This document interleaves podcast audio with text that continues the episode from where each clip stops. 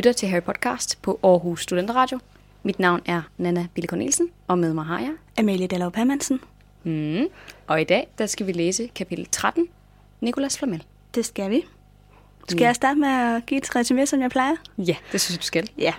Det er blevet hverdag på Hogwarts, og øh, der er noget mobning af Neville, og der skal spilles en Quidditch-kamp, og der sker egentlig ikke sådan, så meget egentlig. Det vigtige, der sker, det er, at øh, de finder det her platuglekort med Dumbledore, hvor der står, at han er gode venner med Nicolas Flamel. Må jeg lige sige noget i forhold til det? Ja. Det passer jo ikke. Nå, Jeg ved godt, der står platteugle i bogen, men det har jo aldrig været en platteugle. Det er jo de der chokoladefrøer. Det er rigtigt. Jeg ved simpelthen ikke, hvorfor de har oversat det til platteugle. Nej, det ved jeg heller ikke. Fordi jeg slog nemlig også op på engelsk, og der stod der Chocolate Frog Cards. Ja, det er Så. det også i filmen. Ja, lige præcis. Sorry, fortsæt. Men hedder det ikke platugler hele vejen igennem i bogen? Det kan sgu godt være. Men jeg hedder de chokoladefrøer i starten, mon? Fordi det er jo en frø, der hopper ud af vinduet. Det er jo ja, ikke det er en ugle. rigtigt. Jeg kan faktisk ikke huske det. Nej. Fortsæt. Ja. Ja. Jeg prøver på at kigge på det imens. Det er fint. Øhm, og så øh, skal de spille Quidditch-kamp, og Harry han får simpelthen fat i det her lyn på under 5 minutter, så det går stærkt. Og så slutter kapitlet af med, at Harry han finder Snape og Quirrell i skoven, hvor at Snape han prøver at få nogle oplysninger ud af. Så Uh. det er det, der sker. Alright. Ved du hvad, jeg tror faktisk, du har ret. Der står faktisk uler. Der står nemlig her. Hvad er det her for noget, spurgte Harry og holdt en indpakket platteugle frem mod Ron. Det er da ikke lavet rigtige uler, vel? Og så, nej, bare rulle en chokoladeugle. Mm. Hvorfor fanden har de Så det har oversat det, bare til hele uler? tiden været chokoladeugler på dansk. Ja. Gud, hvor mærkeligt. Men det er jo frøer. Ja. I den engelske. Det er også, øh, når jeg tænker på det her form for slik, så tænker jeg også på det som frøer. Ja, samme her. Ja. Nå. Men det tror jeg, fordi man har set filmen, hvor den der frø hopper ud af vinduet. Ja, men det er også frøer. Men Ja. det, øh, det er godt nok en, en, en sjov oversættelse. Ja. Det er sådan et sted, hvor man tænker, hvorfor har man lavet det om? ja. Hvad betyder det, at det er en ule, i stedet for en chokoladefrø? Mm, ja, ja. Men, øh, ja. Nå. Lad os gå videre med karaktererne i den her uge. Yes. Jeg synes, den første, vi snakker om, er Harry. Ja, lad os det. Golden Boy. The Chosen One. The Chosen One. Ja. Ja, jeg synes, øhm, det første, det er jo egentlig, vi går på, hvor vi, øh, hvor vi snakker lidt om drømmespejl, eller Harry, han nævner lidt om, om drømmespejl, hvordan det har påvirket ham efterfølgende. Øhm, og det lader jo til, at det har trigget nogle deciderede traumer hos ham. Mm. At han kan ikke sove, og når han så sover, så drømmer han om grønne lys og en, en eller anden høj latter, ondskabsfuld høj latter, der sådan griner, mens øh, ja, hans forældre de forsvinder, eller sådan noget, den dur, ikke? Ja, det er i virkeligheden bare flashback. Fuldstændig. Ja. Og det har, han har jo aldrig haft de her drømme før, eller de her visualiseringer. Han har max set, øhm, det må være Hagrids øh, motorcykel og sådan noget grønt lys. Men han har ikke hørt Voldemort før, Mm-mm. så vidt jeg husker i hvert fald. Så øh, det har virkelig trigget noget for ham at se hans familie. Ja, det er som om hans underbevidsthed fortæller ham, det her det er et minde, som du virkelig har haft en vild oplevelse med. Eller Ja, sådan. det er blevet ja. gemt langt, langt væk, men det har ligget og ulmet, og nu er det så blevet trigget af, at han har ja, siddet nær og studeret sin egen familie, ikke? for nu har han fået Jo. ansigter på dem. Jo, og han synes også, det er ret hårdt at have alle de her drømme om natten. Fordi han siger for eksempel senere, at han kan godt lide, når de har en meget hård Quidditch-træning, fordi så er han så træt, at han bare falder i søvn uden at drømme. Så han, er, han har decideret brug for fysisk udmattelse, Ja. for at kunne komme gennem natten, ikke? Ja, Så det siger virkelig noget om, hvor hårdt medtaget han er af, af det her. Det er jo, altså det er jo decideret traume, ikke? Jo. Og det var også der, hvor jeg tænkte, hvad med en skolepsykolog? Altså er der, ikke, er der ikke nogen, der på noget tidspunkt har overvejet, hvordan det påvirker ham, at han har set sine egne forældre dø? ja det er jo igen det her med, at Hogwarts måske ikke er så pædagogisk på nogle punkter, ikke?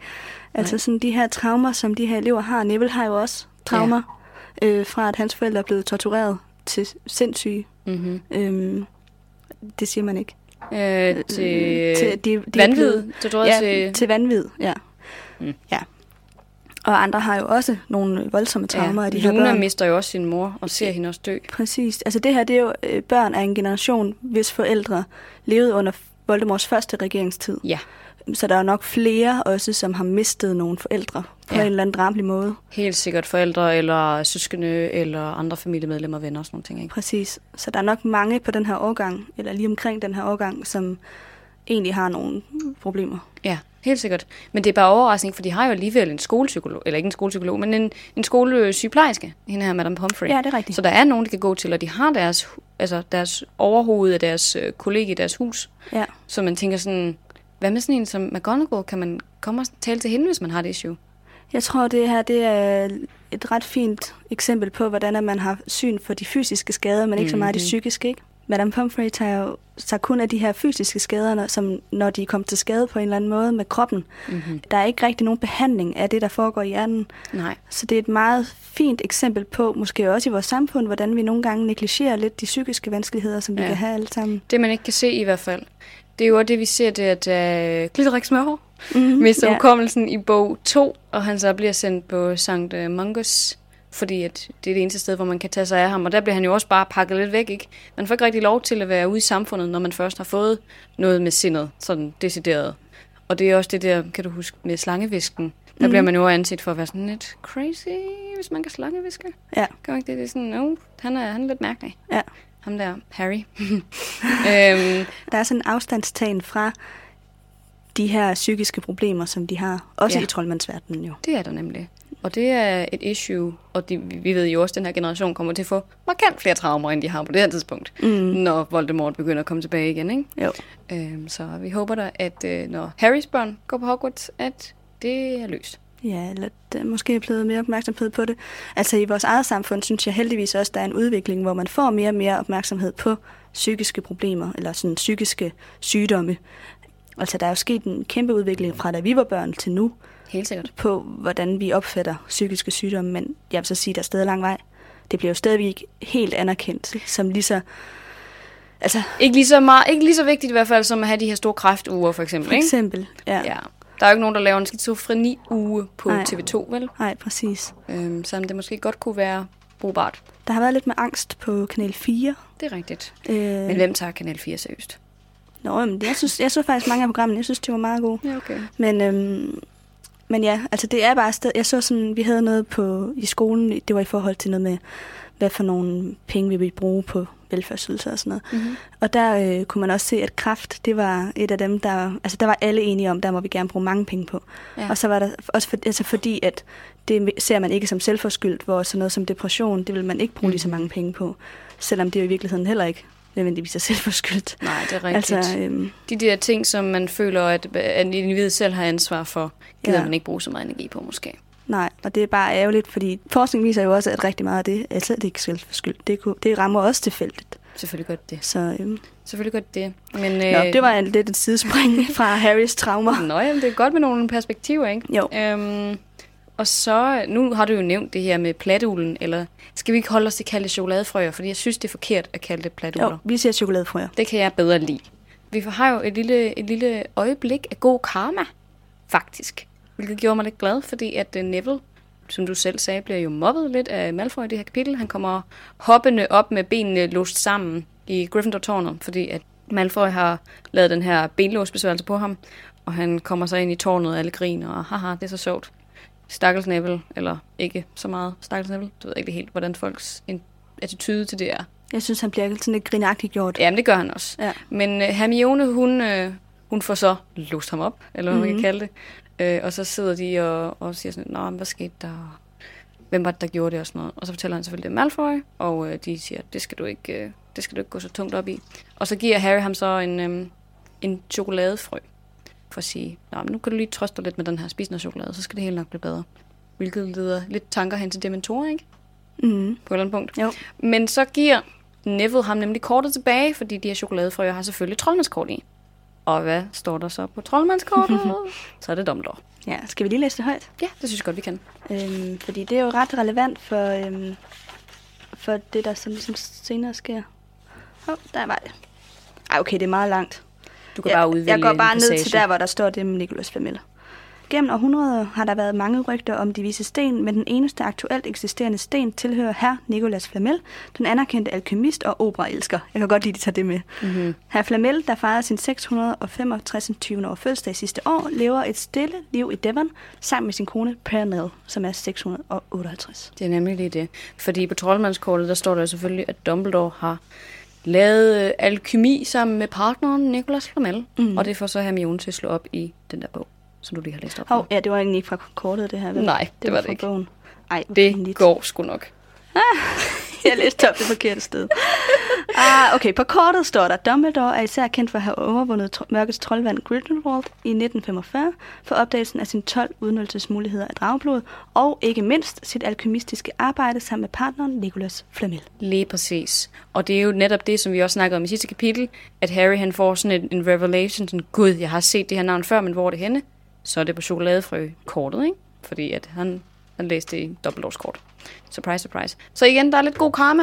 Det må man You, sige. uh, you get what you give, Ja. ikke? Jo, jo, helt Så sikkert. at vise lidt support til Neville, betyder så også, at han får åbnet det her skide kort, og så får at se, nå gud, det er der Nicholas Flamel. Ja. Og så får de jo så regnet ud, at det må have noget at gøre med de vise sten, fordi Hermione er jo også klog. Det er en meget smuk række af tilfældigheder, ikke? Jo. Det, at Hermione vælger at give ham de her platuler, som hedder chokoladefrøer, Mhm. i julegave, som Harry allerede ved, han godt kan lide, fordi han har spist dem på Hogwarts Expressen. Ja. Og så giver han dem til den sidste til Neville, fordi at han er blevet mobbet af Malfoy. Lige så, præcis. ja. A line of uh, causality, kan man Ja. kalde det måske? ja, ja, det kan vi godt sige. Sikkert en eller anden Ja. retning. Men det synes jeg, det var en, en rigtig god scene, og vi vender også tilbage til den, når vi lige snakker noget mere uh, Neville, tror jeg. Mm. Noget andet, som Harry han øh, noterer sig i det her kapitel, som jeg synes var lidt øh, fint, fordi det hænger lidt sammen med noget, vi tidligere har snakket om, og det er den her opfattelse af, at Snape er tankelæser. Ja. øh, nu, nu, her kom den bare igen, og det, det var sjovt, fordi det har jeg aldrig tænkt over, før du sagde det. Men Harry noterer Det står der hele Harry- tiden. Ja, Harry noterer sig nemlig ofte, at han har en fornemmelse af, at Snape er tankelæser. Mm. Mm-hmm. Og det sker også her. Det sker nemlig også i den her bog, det, Ja. eller i det her kapitel. Ja, Det er helt rigtigt. Det der med legitimacy, det er så vi tydeligt får så mange hints. Hele tiden. Ja. Det er nemlig rigtigt. Noget andet ved Harry, det synes jeg også, det var rigtig fint, det her med, at han, han får anerkendelse af Dumbledore, efter han har vundet Quidditch-kampen for Gryffindor. Og han er jo også så stolt over, at han vinder den på fem minutter, og det er jo imponerende. Og det er jo også, det er det jo også, fordi det er jo hele pointen med den her kamp, den skal vindes så hurtigt som overhovedet muligt, fordi ellers så kan Snape nå at straffe dem og give uh, Hufflepuff flere point, ikke? Men jeg synes bare, det var sådan lidt trist, det der med, at han var sådan, nu følte han endelig, at han, øhm, han havde vist sit værd i forhold til sit navn. Han var ikke længere kun et berømt navn. Fordi at øh, alt det, der var sket for inden Hogwarts, det følte han ikke rigtig, han havde noget at gøre med. Og det kan jeg jo godt forstå, at han ikke gør, fordi en baby kan jo ikke, hvad hvad kan man sige, fjerne mørkets øh, værste troldmand. bla bla, Voldemort, ikke?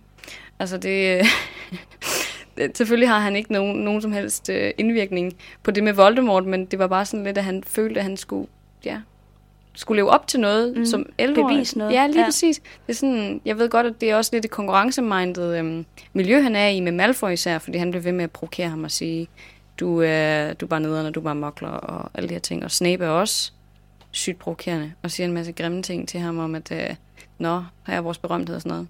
Og det, ja. var, det var lidt trist. Det, det fik mig lidt til at tænke på et foredrag, jeg var til for ikke så længe siden med ham, nu har jeg glemt, hvad han hedder, Sebastian Klein.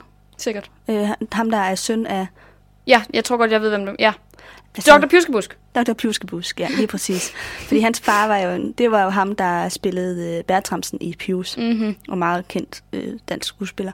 Og der var til det der foredrag, hvor han også sagde nemlig, at han havde sådan, som barn hele tiden en følelse af, at han skulle ligesom leve op til et eller andet. Han, han led lidt under at være et kendt Navn. øh, navn. Ja. Altså sådan, og det er lidt den samme fornemmelse, jeg får fra Harry her, at, Ja. at det er sådan... Også fordi alle siger, at hans forældre... Nu har vi ikke hørt så meget om Lily og James Potter endnu, vel? Men alt, hvad vi har fået at vide om dem, har været godt, og de har været de bedste troldmænd fra deres generation. Og han... Ja. Det er meget at skulle leve op til. Det er rigtig meget at skulle leve op til, og det var jo også, han, det var jo også ham, der fik Voldemort til at forsvinde, men det synes han jo ikke, han har noget at gøre med alligevel. Så der er, der er nogle forventninger til ham, som Ja. han ikke føler, han kan indfri, og nu føler han, han kan lidt, fordi han har fanget det her skide lyn på fem minutter. Mm. Så tillykke med det, Harry. Det, det er Ja. godt. ja. Altså, nu, nu, vi er ikke lige en podcast, der går super meget op i sport eller Quidditch. Nej, man kan nok godt fornemme, at hverken Anna og jeg er så sportinteresseret. Nej, desværre. Så hvis man er det, så, så er det bare too bad. Ja. Og så til allersidst i kapitlet, som du siger, så øhm, ser han jo Quirrell og Snape, som mødes ude i den forbudte skov, og han flyver så op som sådan en lille lurer over træerne, mm. og, øh, og, og hører så halvdelen af den her samtale. Øh, hvilket han så selvfølgelig tolker som, at øh, Snape han prøver på at presse Quirrell til at øh, ja, lade ham komme igennem indtil de vise sten. Det er jo noget pis. ja, det er en stor misforståelse. Det er en kæmpe stor misforståelse. Men man kan jo godt forstå det ud fra de brudstykker, man hører i samtalen, at, øh, at der er god grund til misforståelse. Det vender vi tilbage til, når vi kommer tilbage til Snape, Ja. synes jeg. Jeg har en sidste pointe omkring Harry, jeg gerne lige vil øh, dele. Det er så fint. Ja, det er fordi, at øh, op til den her Quidditch-kamp, hvor han er så bange på grund af Snape, der er han så lidt i tvivl, om han skal spille eller ej, fordi han er bange for at dø. Mm. Og så synes jeg bare, det var meget sjovt, at han siger til Ron og Hermione, hvis jeg ikke stiller op, vil Slytherins hold bare tro, at jeg er bange for dem og for Snape. Jeg skal nok vise dem. Vi bliver nødt til at vinde for at sætte dem på plads. Og jeg synes bare, det er sjovt, at han vil hellere dø, end han vil miste Æren. æren over for Slytherin og Snape. Altså sådan, Ja. hans prioritering der er lidt sjov. Ja. Jamen, sådan synes jeg tit, det er i forhold til, til det der med Quidditch, at det er bare, de vægter det så sygt højt. Altså, det er sådan alfa og omega på den der skole, hvem der vinder den der skide Quidditch-pokal. Ja, på det punkt er jeg virkelig enig med Hermione i, at de drenge der, de går alt for meget op i den sport. Ja. det må jeg også give dig ret i. Det må jeg også give Ja. ret i. Skal vi hoppe lidt videre til øh, Neville? Ja, lad os det. The second chosen one. Ja, ja. ja. Og der er jo øh, to seancer især med ham i det her kapitel. Og det Ja. er først, vi har været lidt inde på det, at han får udført øh, benlåsforbandelsen på sig af yes. Malfoy. Og kommer ind på, øh, Gryffindor-tårnet. ja lige præcis, med, med låste ben. Og det, åh, det gjorde lidt ondt i hjertet, fordi det var, jeg synes bare, det er synd for ham. Det var hårdt at læse i hvert fald. Ja, Vil du læse den op? Ja. Altså, jeg vil egentlig gerne læse op, hvordan at Ron og Harry snakker til ham. Ja.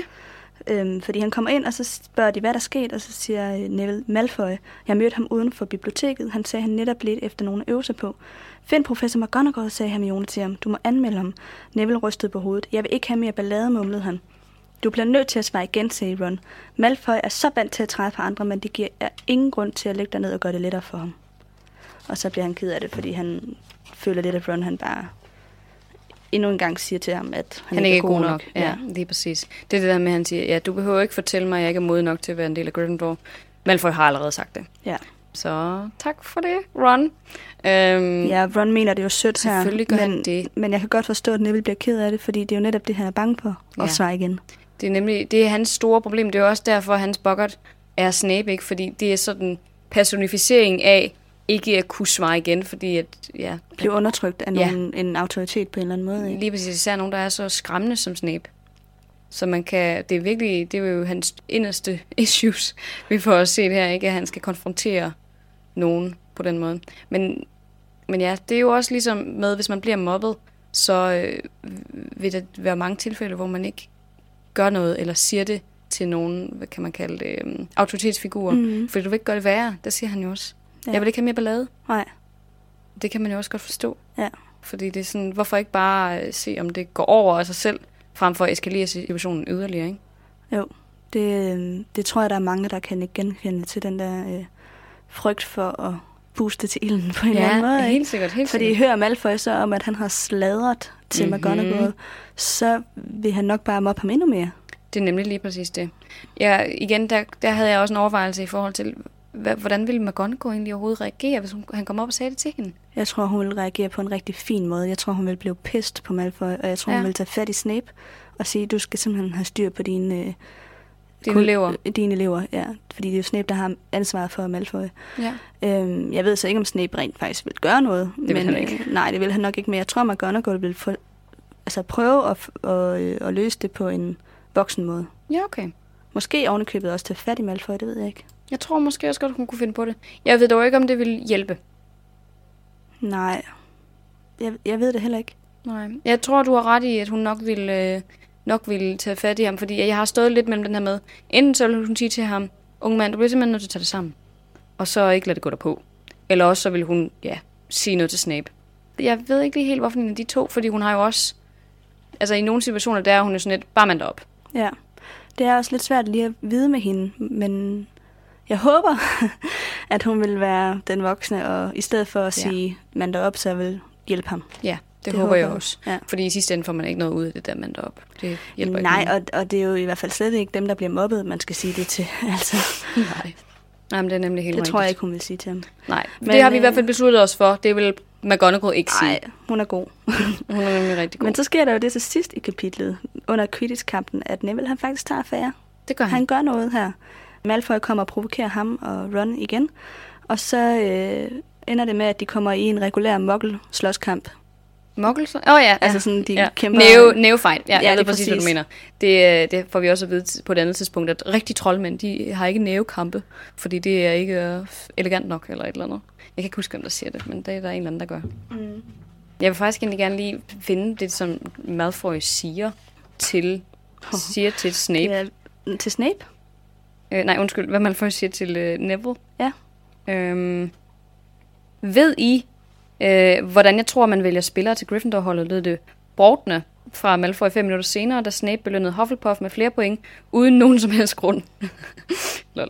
øhm, man vælger dem, som man har mest ondt af. Se nu for eksempel på Potter. Han har ingen forældre. Så er der Weasley-brødrene. De har ingen penge. Du burde også være på holdet, Longbottom. Du har nemlig ingen hjerne. og, og det er så der, hvor han bliver pissesur, eller han bliver, han bliver sprutrød i hovedet, står der, og så siger han, jeg er 12 gange så meget værd, som du er, Malfoy. Ja. Og det var nemlig præcis det, Harry han havde sagt til ham oppe i Gryffindor-tårnet, da han giver ham den her chokoladefrø. Du er 12 gange mere værd end Malfoy. Altså se på ham, han er ind på Slytherin, det lorte mm. kollegie.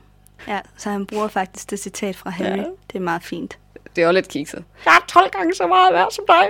Ja, men jeg synes, det er dejligt. Jamen, det er det også. Jeg, jeg digger det. Det gør jeg også. Han er bare sød. Jeg siger thumbs up til Neville i Ja. det her kapitel. Altså hele vejen igennem er han faktisk egentlig bare en skide dejlig karakter. Der er nærmest ikke en, en finger at sætte på ham. Altså, jeg synes i hvert fald, Neville han er sådan lidt misforstået som den der øh, sørgelige skæbne, fordi Ja. ja. han, han prøver jo virkelig Han har sin egen indre kamp, ikke? Jo. Hele tiden, og som man bliver lidt overset i alt det store hver drama. eneste dag er en kamp for ham, fordi prøv at forestille dig at have en lærer, du er så bange for, at det er dit største mareridt, og skulle deal med ham hver eneste uge. Det er nemlig det. Han går jo mod sin frygt hver eneste dag, faktisk. Han skal bekæmpe sin frygt hele tiden. Som så Snape. Jeg siger, ja, præcis. Lige præcis. Altså, øh, Han er jo en af de modigste overhovedet på den skole, faktisk. ja, han skal kæmpe mod angsten for at gå uden for Gryffindor-tårnet. Ja. Hele tiden. Det skal han nemlig. Det er så rigtigt. Han er jo, altså han er bange for selv sådan en som Peeves, ikke? Jo. Som alle de andre elever, de er sådan, nej ja, det er bare Peeves. Griner bare. Ja. Ja. Peeves, ikke? Ja. Men han bliver jo mishandlet på næsten alle fronter, når han kommer ud af, ja, af Gryffindor-tårnet, som du sagde. Ja.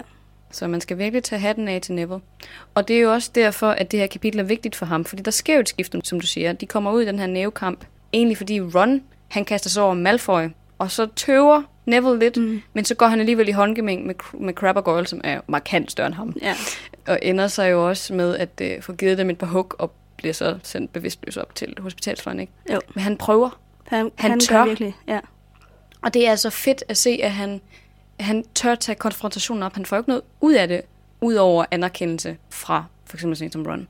Som jo så, jeg tror, at han får sådan lidt en, en følelse af, at han er med. Jeg tror, han får noget ud af det på sit altså, eget selvværd. Det gør han også. At han tør at svare igen. Ja. Altså jeg mener også mere sådan, han får ikke noget ud af det i forhold til, at han vinder ikke kampen. Nej, det er rigtigt. Han, Det er det, jeg han, mener. han bliver slået ud. Han bliver slået ud, og det er jo også fair nok, når de her to, to drenge er nogle st- kæmpe store bæster, ikke? Jo. Og han selv bare er en lille rundhovedet dreng. Ja. Øh, men, men du har ret, han vinder noget på selvværdskontoen, og så får han noget anerkendelse af Ron, i og med, at han faktisk tør deltage, og ikke bare sådan, ja, stikker af fra konfrontationen, ikke? Jo. Og det er jo vigtigt i det her miljø. Men det er sjovt, ikke? Fordi både øh, Hermione og Ron har jo medbragt tryllestav. Ja. Så hvorfor de ikke bare laver benlåsbesværgelsen på de tre der? Det ved jeg faktisk ikke. Det er faktisk super dumt. Ja. Men det er jo nok også, fordi Hermione, hun slet ikke er klar over, at der sker Jamen, den her hun konfrontation. opfanger nærmest ikke, hvad der foregår bag hende. Hun er stærkt fokuseret på, hvad der sker på Harry. Ja, det er hun øhm, nemlig. Så, så det interesserer hende egentlig ikke rigtigt, at de kommer op og slås. Nej, jeg tror, hun, hun føler sig også lidt hævet over sådan nogle drengestreger. Ja, Men jeg tror, hvis, hvis hun havde været involveret i det, så tror jeg bare, hun havde forbandet dem. ja, Sådan set. ja. Men det er også lidt fedt at se, ikke? At de sådan, nu har de, nu er de decideret gået til de skridt, hvor de vil forbande andre elever for at beskytte deres ven. Og selv at Hermione, hun er sådan, okay, der er en reel far her. Det har hun accepteret nu. Så hvis det koster hende point for Gryffindor, så betyder det ikke noget. Fordi jeg tror faktisk godt, at de kunne risikere en ret stor straf, hvis der var nogen, der fangede dem i at lave den her besværgelse. Mm. Ja, men det er rigtigt. Det siger noget om, at deres værdier, men det er jo så benlåsbesværgelsen på Snape, de vil bruge. Ja, det er rigtigt. Men, det er jo endnu mere ja, grund til, at de mere, ud, ikke? Endnu mere, ja. Så øh, det siger helt sikkert noget om, Ja. øh, Helt sikkert. om, om værdierne. Ja, jamen jeg synes, øh, det her det har lidt været Neville's kapitel, som ja. Hedder Nicholas Flamel. Ja. Så den sidste, som jeg gerne vil snakke om her ved karakteren, det er Los Snapers. øh, han er jo blevet Quidditch-dommer mm. i det her kapitel, for at, øh, det er jo så for at stoppe Quirrell fra at gøre, lave det samme nummer en gang til, ikke? Men det er jo ikke det, Harry han fortolker overhovedet. øhm, eller resten af Gryffindor-teamet selvfølgelig, de tænker, at det er for, at han kan ødelægge kampen for dem, og så sikre sig, at uh, Slytherin de vinder. Eller måske endda for at forhekse Harry. Mm. Hvem ved? Men jeg tænkte også bare sådan, han er sandsynligvis blevet godkendt af Dumbledore til at blive dommer, er han ikke det? Jo, det tror jeg da. Jeg tror heller ikke, at man bare sådan lige kan beslutte sig for, at nu vil man være dommer ved, ved Quidditch. Og så som du sagde, så føler Harry jo, at øh, han forfølger ham. Men der tænker jeg også, at det simpelthen er fordi, at han rent faktisk forfølger ham, for at sikre sig, at han ikke kommer til skade. Ja, jeg tror ikke, det er, at Harry er paranoid. Nej, det tror jeg Han ikke. misforstår bare, at Snape han gør det egentlig for at være god. Ja, altså, jeg kan jo godt forstå, at han bliver lidt bange, fordi igen, Snape er jo ikke sød. Han torturerer ham til timerne, og han øh, tager point fra dem under kampen og de der ting. Og er egentlig bare sådan generelt træls, når han så er i nærheden af Harry. Men han er der jo som en beskyttende faktor, ikke? Så selvom Harry, han måske helst ville være alene, så kunne det selvfølgelig resultere i, at Quirrell vil komme måske. Og Mm.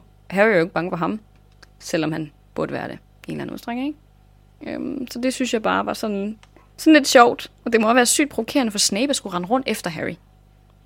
Jeg tror virkelig ikke, han gider. Nej, han, han nyder det nok ikke. Nej. Nej, det tror jeg virkelig ikke, han gør. Han er bare sådan, Åh, skal jeg rende rundt efter Potter igen? Kan han ikke bare lade være med at komme i fare hele tiden?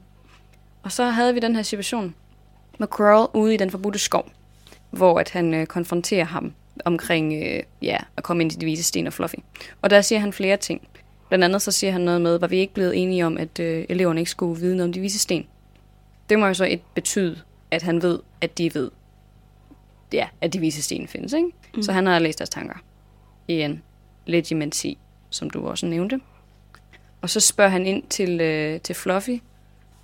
Det antyder ligesom, at han godt ved, at Coral er fra- forsøgt at komme forbi Fluffy. Ja, han spørger, om, har du fundet ud af, hvordan du kommer forbi Fluffy? Eller sådan Det er noget, nemlig tror det, ja. det er nemlig det, og det tolker Harry selvfølgelig som, har du fundet en måde, hvorpå jeg kan komme ja. forbi? Ja, det misforstår han. Det er nemlig det, men i virkeligheden så spørger han jo, jeg ved udmærket godt, du prøver at komme forbi Fluffy.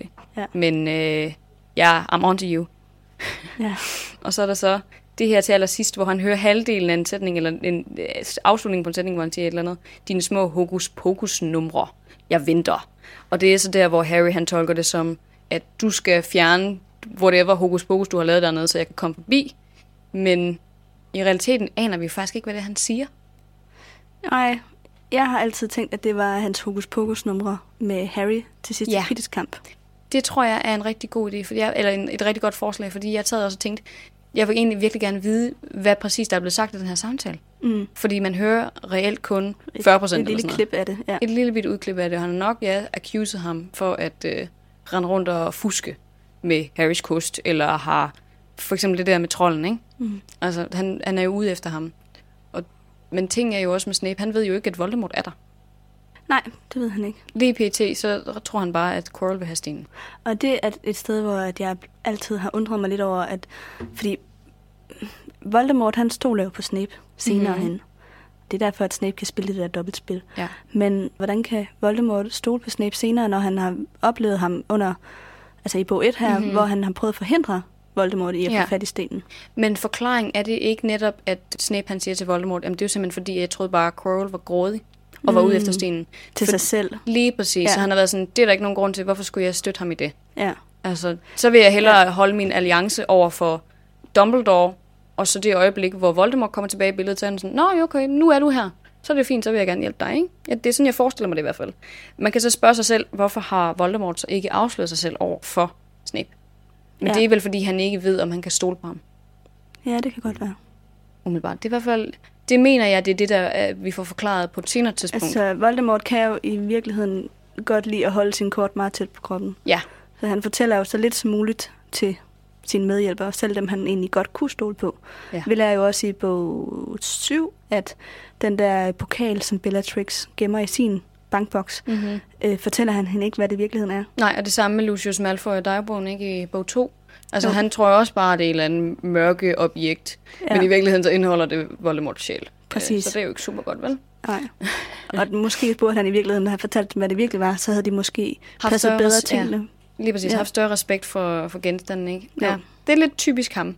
Ja. Øhm, Så det, giver meget, det var bare for at øh, understøtte dit argument. Jeg tror, mm. det giver meget god mening, at Voldemort vil holde sig skjult for Snape.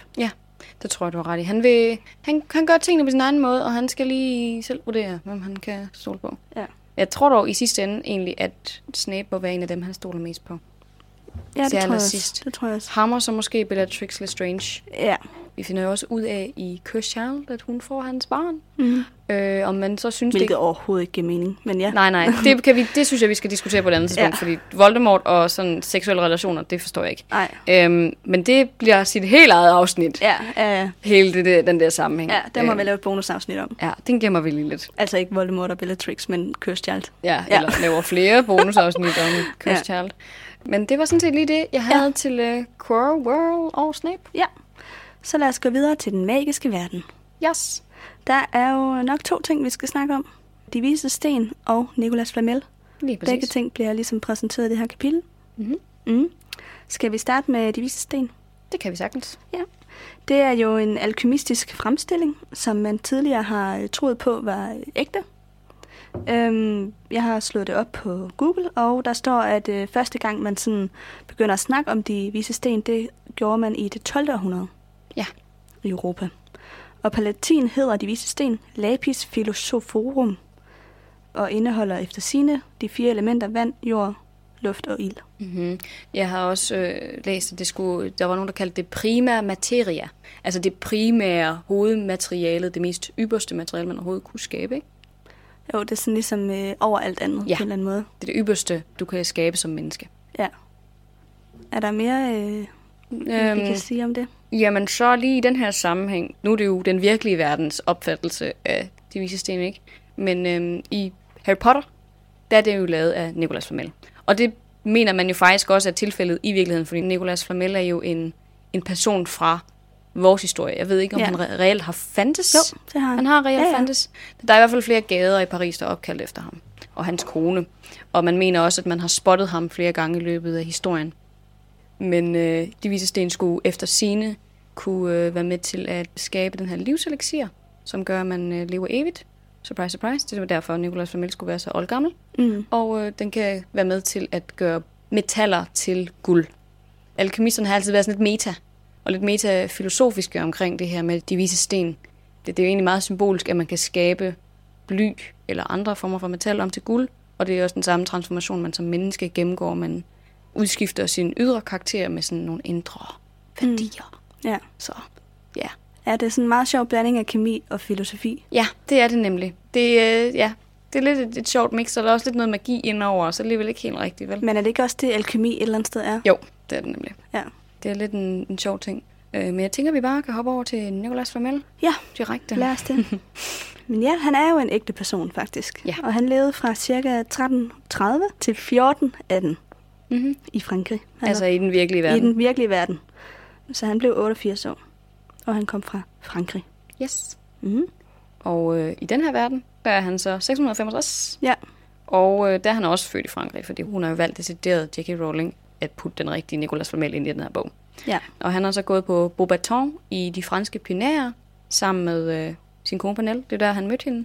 Og de har så også delvis været med til at finansiere Beaubaton i forhold til øh, ja, Stipendier og sådan noget. stipendier og sådan, øh, bygge slottet op, bla bla bla, sådan nogle ting, ikke? Så øh, den er halvt finansieret af, ja, alkemistguld, sådan set. Men man ved faktisk ikke, om han decideret har lavet sig selv en kæmpe stor formue af det her alkemistguld. Vi ved dog, at han har brugt den her livselixir på at få evigt liv sammen med sin kone. Øhm, og så lever han i Devon i England, og så er han operaelsker og god ven af Dumbledore og businesspartner. Ja. Det er sådan set det, vi får at vide om ham Ja, i den magiske verden. i den magiske verden. Ja. Jeg har lavet lidt research på ham i den virkelige verden. Oh. Øhm, og øhm, udover at han boede i Frankrig, så har jeg fundet ud af, at han var en skriver, boghandler og alkymist. Mm. Og øh, der er lidt historie om ham. Han skulle efter sine have købt en bog, som hedder The Book of Abraham the Jew, altså bogen af Abraham jøden, Mm-hmm. som efter sine fortæller, hvordan man laver de viste sten. Ja. Og den stod på hebraisk, så han måtte lige øh, rundt for at finde en, han kunne få til at oversætte den, for han forstod ikke, hvad der stod. Og jo, hans kone Pernille er også i virkeligheden ægte. Mm-hmm. Ja, han havde en drøm på et tidspunkt om en engel, som kom og sagde om den her bog, Look well at this book, Nicholas. At first you will understand nothing in it, neither you nor any other man, but one day you will see in it what which no other man will be able to see. Jeg synes, du ligger, øh, du ligger tryk på man. Ja, Nej, det var tilfældigt. Nå, okay. Det kunne være, det var ligesom en situation, ligesom sidst vi snakkede om Nå, det med ja. kvinder og mænd. Det kan jo godt være, at det er det. Altså, at kvinder godt kan se det, men mænd ikke kan. Måske. Vi ved det ikke. Men øh, bogen var efter sine lavet af kover og bark. Okay. Øhm, ja, så er der gået en masse sådan spekulationer om, altså fik han så frembragt de vise sten eller ej, og sådan. Men han blev ret rig mm. øh, på sin tid, og han blev også meget gammel. 88 på det her tidspunkt er meget gammelt. Ja, det er det. Så der er nogen, der mener, at han måske på en eller anden måde har formået at frembringe et eller andet, der i hvert fald var Ja. med til at... Noget, noget medicinsk, et eller andet, som kunne ja, få ja. Ham til at overleve så længe. Præcis. Og senere så øh, går historien på, at øh, Newton, Sir Isaac Newton, han også skulle have forsøgt at frembringe de vise sten. Mm. Jeg tror faktisk, der er flere meget prominente videnskabsmænd, som har forsøgt sig med det her, men uden at det så lykkedes. Ja. Og igen, men som jeg sagde før, så siger folk også, de har spottet Nicolas Flamel øh, op igennem historien. Den skulle være blevet spottet i en opera på et eller andet tidspunkt i 1800-tallet, Nå. eller sådan noget, tror jeg, i Frankrig. Altså, okay, det er så mere spekulationer, ja, tror jeg. ja, ja, for ja. guds skyld, for guds skyld. Det er jo bare en myte. Ja. Øhm, men det er meget sjovt. Ja, at han er sådan en karakter, der går igen gennem historien. Ja, Ja. lige præcis. Og hun så lige har valgt at tage ham med, ikke? Jo. Men det er, han er pretty interesting, men der er, faktisk ikke så meget mere med ham. Og vi, det er jo også kun i den her bog, vi møder ham. Ja, så dør han jo. Det får vi jo faktisk aldrig at vide. Harry han spørger jo Dumbledore, hvad skal der så ske med Nicolas Flamel og hans kone nu? Dør de så bare, eller hvad? Så siger han, jamen han har elixir nok til at øh, få ordnet de ting, han nu skal ordne. Det ved vi jo ikke, hvad det betyder, om det er 100 år, man skal bruge på det. Nej, nej, det er rigtigt, men... Han skal nok dø på et eller andet tidspunkt. Ja, det er rigtigt, men øh, jeg synes i filmen, så siger Dumbledore til sidst, men ja, til sidst vil han dø. Det vil han jo også. Det er en del af den menneskelige Ja, tilværelse. ja, men det er rigtigt nok. Vi får ikke at vide, om øh, er det om et år, eller er det om 10 år, eller 100 år. Altså, Nej, det, det gør vi ikke.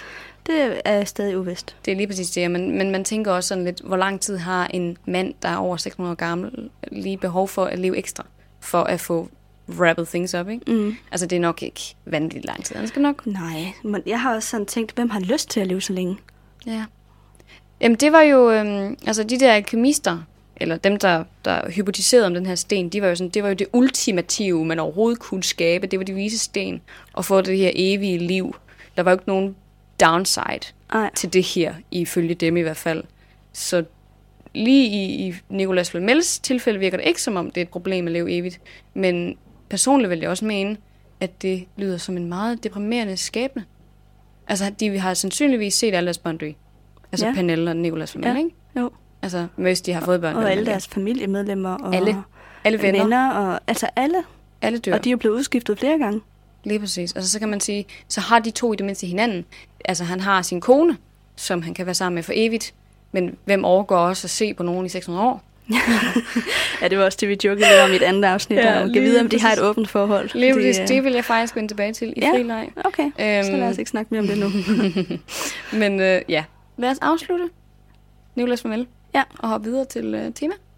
ja, ugens tema. Hvad, øh, hvad synes du, vi skal sige der? Jeg synes, vi skal kalde det transformation. Ja. Fordi øh, vi elsker jo at sige, det har vi jo på flere niveauer. Ja, ja. Og det har vi også den her gang, fordi vi har de vise sten, som vi endelig får afsløret. Det er nok ikke så stor en afsløring, når bogen hedder Harry Potter og de vise sten. Nej, nej. Man ved nok godt lidt hele tiden, hvad der er i den der lille pakke. Ja, Øhm, ja. sådan set. Men, men det, den gør, er jo netop transformation at skabe et dødeligt væsen om til et øh, udødeligt væsen. Ikke? Og mm. kunne omdanne bly til guld. Det er jo også, ifølge nogen, det ultimative at kunne ja, skabe guld. Ikke? Det kommer an Jo. på, hvad man går- lige går op i i sit liv. Men øh, det er sådan to af de der helt store, Ja. som folk gerne vil have. Helt sikkert. Det er også det, Harry han siger på et tidspunkt. Altså, han kan da godt forstå, at Snape gerne vil have stenen. Hvem vil ikke gerne det? Mm. Og så siger jeg, at Ron han vil købe et Quidditch-hold. Ja. ja. Så den er i hvert fald helt sikker øh, Et transformation. meget fint billede på transformation. Det er det. Og så har vi også Neville, Mm. der virkelig begynder at ændre karakter. Og øh, ja, gå ud af sin comfort zone og agere på en måde, som er meget ulig ham. Men Ja, det er Fra at være passiv mobbeoffer til Mhm. at svare igen. Lige præcis. Og det er så smukt og dejligt at se. Han er bare fantastisk. Ja. Neville. Um, Så er der også lidt Hermione.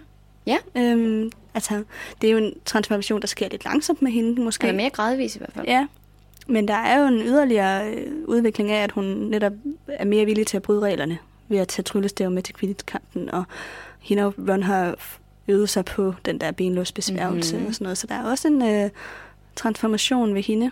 Der er også et sted i kapitlet, hvor Ron og hende spiller troldmandskak. Øh, fordi Ron og Harry, de mener, at det er sundt for hende, at hun også får lov at tabe lidt indimellem. Mm-hmm. Fordi at Ron han er jo bedre til det end øh, Hermione. Men man kan sige, at hun spiller jo frivilligt. Så hun er jo er også rigtigt. med på præmissen om, at hun også taber indimellem. Ja, at hun godt kan tåle tab, det er nemlig rigtigt. Ja. Jeg synes du egentlig, det er lidt sjovt, det der med, at hun skulle være dårlig til skak. Altså, jeg ved godt, at det er med vilje, at hun har fået tildelt nogle karakteristika på, hvilke hvor hun er dårlig. For eksempel det her med flyvning, mm. og det der med at lave en patronus, og så øh, det her med skak, ikke? Men jeg er sådan, hun er sygt logisk anlagt. Hvorfor fanden skulle hun ikke kunne finde ud af at spille skak? Det har du helt ret i. Altså, det, resten, Ja, det, det hænger- burde hun faktisk være den bedste til. det burde hun. Altså, jeg ser ikke Ron som et særligt logisk tænkende væsen. Det er ham, der render rundt og river bøger ned af hylder. Sådan tilfældigt. Ja. Og skak kræver netop også, at man kan tænke meget sådan logisk fremad. er Hvordan det. skal jeg rykke nu, for at jeg i fremtiden kan spille skakmat? Ikke? Altså sådan, Lige præcis. Så, Hun kan virkelig se de der forskellige trin, men jeg ved ikke. Altså, det er måske ja. Også fint nok, at, at Ron han... Øh, får lov at brillere der. helt sikkert, men det passer bare ikke sammen med. Hermiones karakter. Man kan sige, at senere i den her bog, der kommer hende og Harry jo også ind til alle de her elixier, Lige præcis. som kræver logisk tænkning for at kunne komme videre, fordi man skal vide, hvad for nogen mm. man må drikke af, og hvad for nogen man ikke må. Det er også bare så ærgerligt, den scene ikke er med i filmen. Ja, det er det, fordi hun får ligesom lov at brillere med den der... Logiske tænkning og det der løsning af... Øh, ja, altså jeg tænkte på, de falder ned i den der plante, hvad nu den hedder. Øh, jeg ved godt, den der slyngblande. Ja. Ja. Åh, det irriterer mig. Djævleslyngel. Den falder de ned i, den løser hun så, så løser Ron skakbrikkerne, og så løser Harry selve konfrontationen Ja. og flyvningen. Men jeg synes, det er meget fint i bogen, hvordan at hun også øh, får lov at brillere over for Snapes udfordring. ja, det synes Men, jeg øh, også. At hun ligesom øh, er hans match, ikke? Jo. Men det er bare, øhm, ja, det var egentlig mere bare for at sige, ja, der er hun logisk tænkende. Ergo giver det ikke mening, hun ikke er logisk tænkende over for skak. Nej, lige præcis. Ja. Hun kan sagtens løse den gåde, så hun burde også sagtens kunne altså, spille skak. Ja. Personligt øh, kan jeg ikke finde ud af skak. Jeg synes faktisk, det er meget sjovt. Ja, det må, vi må lige prøve at spille på et tidspunkt. Det kan Ja. være, jeg kan blive bedre. øhm, men ja, det, det giver bare ikke lige nogen mening. Nej, Øhm, men du har ret. Hun, øh, hun bliver mere og mere villig til at bryde reglerne. Til sidst så er hun jo faktisk på lige fod med drengene, og så giver hun jo en fuck. Ja. Øh, men det er jo også fordi, så viser sig nogle andre ting, der betyder noget, ikke? Har du mere? Nej. Godt, jamen så synes jeg bare, at vi hopper øh, til frileje. til frileje. Ja, lige præcis. Det første, jeg gerne vil tale lidt om, det er den her lille ting, vi har haft. Jeg tror, det var um, Hogwarts Expressen, hvor vi diskuterede det her med, hvorvidt Dumbledore og Nicholas Flamel var i et åbent parforhold. Ja. Som du også lige sagde. Kunne der være noget andet i de ordet partner, end bare mm. businesspartner? Ja. Og det her, det handler ikke decideret om Nicholas Flamel og Dumbledores forhold, men det handler om Dumbledore. Ja. Det har J.K. Rowling selv gået ud og sagt det her. Hun- Det er i forhold til øhm, Dumbledore og hans forhold til Grindelwald, Ja.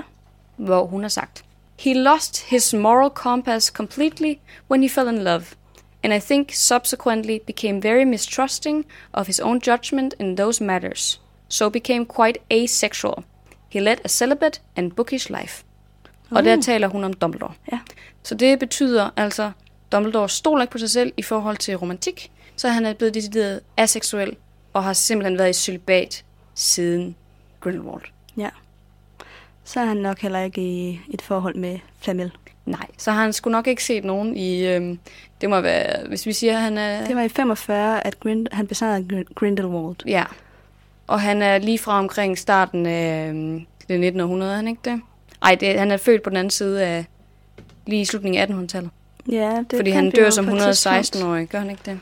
Jo, og det har vi jo på et tidspunkt, for det var der jo et lytterspørgsmål om for lang tid siden. Ja, han dør som 116-årig. Så han må jo nok have set Grindelwald lige omkring, han var de der 17-18. Ja. Så han har nok ikke haft sex i 80 år. mange, mange år, ja. Ja, og det er ikke engang sikkert, at han overhovedet har været sammen med Grindelwald, fordi de var jo teenager. Ja, altså ifølge, hvad jeg har hørt om Grindelwald, og nu kan jeg ikke lige finde det der spørgsmål, det var lige meget. Mm-hmm. Nå, men ifølge, hvad jeg har hørt om Grindelwald, så var han aseksuel. Men Ja. udnyttede, at Dumbledore var forelsket i ham. Ja, det kan sagtens være, men altså, det virkede, ud fra det her citat, der var også noget mere, der stod omkring de tos forhold og sådan noget. Ja. Der virkede det som om, at det var en, en decideret kærlighed. Jeg ved ikke, om det var noget, Grindelwald gengældte, men Dumbledore var i hvert fald Ja, helt 100% forelsket i ham. ja, den historie, jeg har hørt, det er, at Dumbledore var forelsket i ham, men ikke omvendt. Så Grindelwald udnyttede, at Dumbledore var altså, forelsket, og man kunne ligesom manipulere med ham Ja. på den baggrund. Det kan sagtens være. Altså igen, øhm, øh, Fantastical Beast Ja, undersøger jo lidt, eller det, vi kommer jo til at se de to over for hinanden på et eller andet tidspunkt i løbet af den her øh, filmserie. Mm. Ja. Så der får vi måske svar på, hvordan og hvorledes Ja. i forhold til det her. Men jeg ved sgu ikke helt, hvad jeg synes. Altså igen, vi ved jo generelt ikke særlig meget om Grindelwald. Nej. Vi ved kun det, som så står i hvad, bog 7, Ja. sådan set. Så, ja, jeg har ikke lavet mere sådan research på ham, så jeg ved heller ikke mere sådan... Nej, det gør jeg heller ikke. Men det kan være, at det er noget, vi skal, vi skal se på Ja. på et senere tidspunkt. Men i hvert fald, Ja. Dumbledore, han render ikke rundt og fidler med nogen. Nej.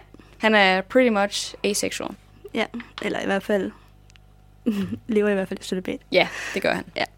Ja, så har vi jo fået et lytterspørgsmål i løbet af ugen, og mm-hmm. øh, jeg synes, det var meget godt, synes du ikke også, den er? Jo, jeg synes, det var et rigtig godt Det var spørgsmål. en øh, lytter, der spurgte ind til, hvordan lærer troldmandsbørn at læse og skrive, og altså, sådan, hvad sker der egentlig, før de kommer Ja. på Hvad Hogwarts? fanden laver de, inden de kommer ja, på, ind på troldmandsskolen? Fordi de er alligevel 11, før de kommer på den her skole, så de må jo have brugt deres tid på et eller andet før det. Sandsynligvis. Øhm, og øh, jeg har undersøgt, eller vi har egentlig begge to, fandt vi ud af at undersøge det. nu siger jeg det så bare. det. Øhm, at øh, de fleste bliver undervist hjemme, Mm-hmm. øh, for øh, hjemmeundervisning af deres, ja, højst sandsynligt mor. Fordi de er jo lidt traditionelle i det her troldmandssamfund. Øhm, og øh, nogen bliver så også sendt på mørkler-skoler for at lære at læse og skrive. Men det er ikke så mange, fordi man var bange for, at øh, altså de her magiske børn... Ukontrollerbar ja, magi. ikke? Ja, altså Harry får jo også for meget opmærksomhed, fordi han nogle gange kommer til at lave magi uhensigtsmæssigt, og uden at det er med vilje. Lige præcis. Går sit hår for langt, eller Præcis, hopper op på et tag. Eller sådan Ja, noget, der var ikke? sådan forskellige situationer med ham også. Så de fleste troldmandsbørn, de bliver hjemmeskolet og lærer at læse og skrive hjemmefra. Det er nemlig helt rigtigt, og det ved vi, det gjorde hele Weasley-familiens børn også. Ja. Og man kan jo tit lige vurdere det ud fra, ved de noget om muggle-tilværelsen? Hvis de ikke gør, så er det nok blevet homeschooled, ikke? Jo, man kunne måske forestille sig, at dem, der var halv af hver, i højere grad vil komme i moklerskole, fordi de, altså hvis nu man er halv troldmand, halv øh, mokler, så kunne jeg forestille mig, at man øh, nemmere vil komme i moklerskole. Det tror jeg også. Jeg tror heller ikke, man vil have den samme øh, frygt for moklersamfundet, hvis den ene er opvokset mokler. Jamen, jeg tror, man, Ja. man kunne se nogle værdier ved det rigtige skolesystem. Og det vil kunne lidt matematik og sådan noget, ikke? Mm. Øhm, så det tror jeg, du er helt ret i. Men jeg kunne Der er også nogle børn, der ikke, undskyld jeg afbryder, men der er også nogle børn, der ikke udviser så meget magi til at starte med, jo. Ja.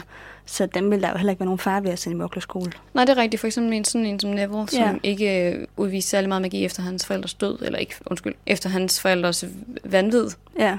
Øhm, der trak han sig lidt ind i sig selv igen, ikke? Mm. Øh, men for eksempel sådan en som Malfoy, ville det være meget usandsynligt, at han nogensinde har været i nærheden af en mokler. Ja. På nogen måde. Ja, ja. Han er helt sikkert hjemmeskolet. Ja, det er han. 100% sikkert. Mm. Øhm, ja, Men ja. det var en godt lige at få det opklaret. ja, det var et godt lytterspørgsmål. Det er også noget, jeg selv har tænkt meget over, Ja, faktisk. jeg har også overvejet det lidt, men, men ender tit med at sidde og tænke, at de der troldmandsbørn, de er altså ikke særlig kvikke. Der må mangle, altså de mangler nogle reelle, altså noget reel viden om den virkelige verden. Ja. De lærer ikke matematik, de lærer ikke historie, de lærer ikke sprog, de lærer ikke en skid. Mm. I hvert fald ikke, ikke på Hogwarts i hvert fald. Plus, at når de bliver hjemmeskolet, så tænker jeg også, at de må også mangle lidt sociale kompetencer. Altså, nu er der sådan nogen som Viste-familien, de har jo været så mange børn, at Ja, det de har noget. måske lært at omgås andre børn på den måde, ikke? Mm-hmm. Men øh, sådan en som Malfoy, han vokser jo op som enebarn, og hvis han ikke rigtig kommer i skole og lærer andre børn der, hvordan... Mm. Øh, ja, jeg ved ikke. Jeg har bare sådan tænkt over, at det må også være lidt svært at vokse op uden at lære at lege med andre. Ja, det tror du ret i. Altså, jeg kunne forestille mig måske, at de fleste troldmandsfamilier ikke vil have noget imod, at man som troldmandsbarn interagerer med mokkelbørn. Altså, at du simpelthen måske så leger dine børn med dine nabos børn. Mm. Eller hvis du bor i nærheden af andre troldmandsfamilier, så har man måske en eller anden form for legeaftale eller sådan noget i den retning. Ja. Men vi ved jo, der bor kun været 3.000 troldmænd i Storbritannien. Så der, altså, de bliver Der er nok langt mellem dem. ja, de bliver nok nødt til at interagere med moklere, Ja. for at kunne få et reelt socialt netværk opbygget, ikke? Jo. Øhm, men igen, jeg tror faktisk også, langt størstedelen er halv-halv på en eller anden måde. Mm, ja, det tror jeg også. Og ellers så hører vi om sådan nogle situationer, hvor at, ja, for eksempel sådan en som, var det din Thomas, hvis far var troldmand, og så, som så døde, og så har din Thomas så vokset op og har ikke vidst det. Nej. Vokset op som helt almindelig mokler. Der sker jo alle mulige sjove kombinationer, hvor at folk måske endda er hele troldmænd, eller halv troldmænd, alt muligt mærkeligt, men så alligevel ender med at vokse op med mokler i en eller anden udstrækning, ikke? Mm, jo. Så ja, jeg tror, det er ret sandsynligt, at en del af dem kommer til at gå i, i en almindelig folkeskole, ligesom sådan en som Hermione for eksempel. Ja. Det kunne jeg forestille mig. Det kommer også an på, om familien har råd til at have en, en øh, forælder, der går hjemme. Det er nemlig det. Det er jo måske også derfor, at familien Weasley er ret fattig, fordi Molly er hjemmegående, så de har kun Arthurs indtægt at leve af. Og så når de har så mange børn samtidig, så, altså, så er det jo dyrt. Ja, det er det.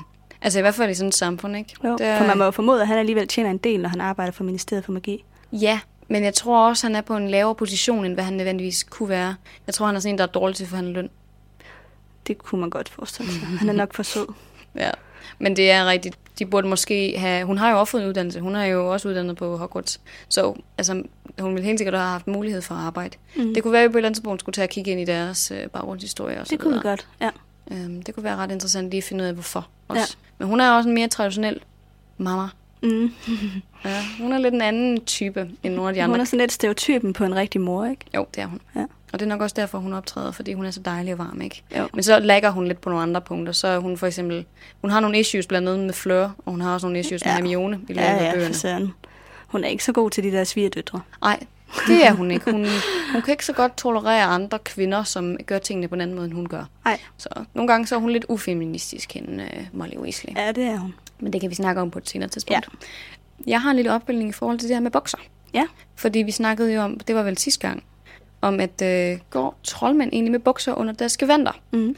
Og så har vi fået to lyttere, der har skrevet til os. Jeg mente også selv, at det her det var tilfældet, men jeg fik ikke lige sagt det, da det var, vi gennemgik øh, spørgsmålet.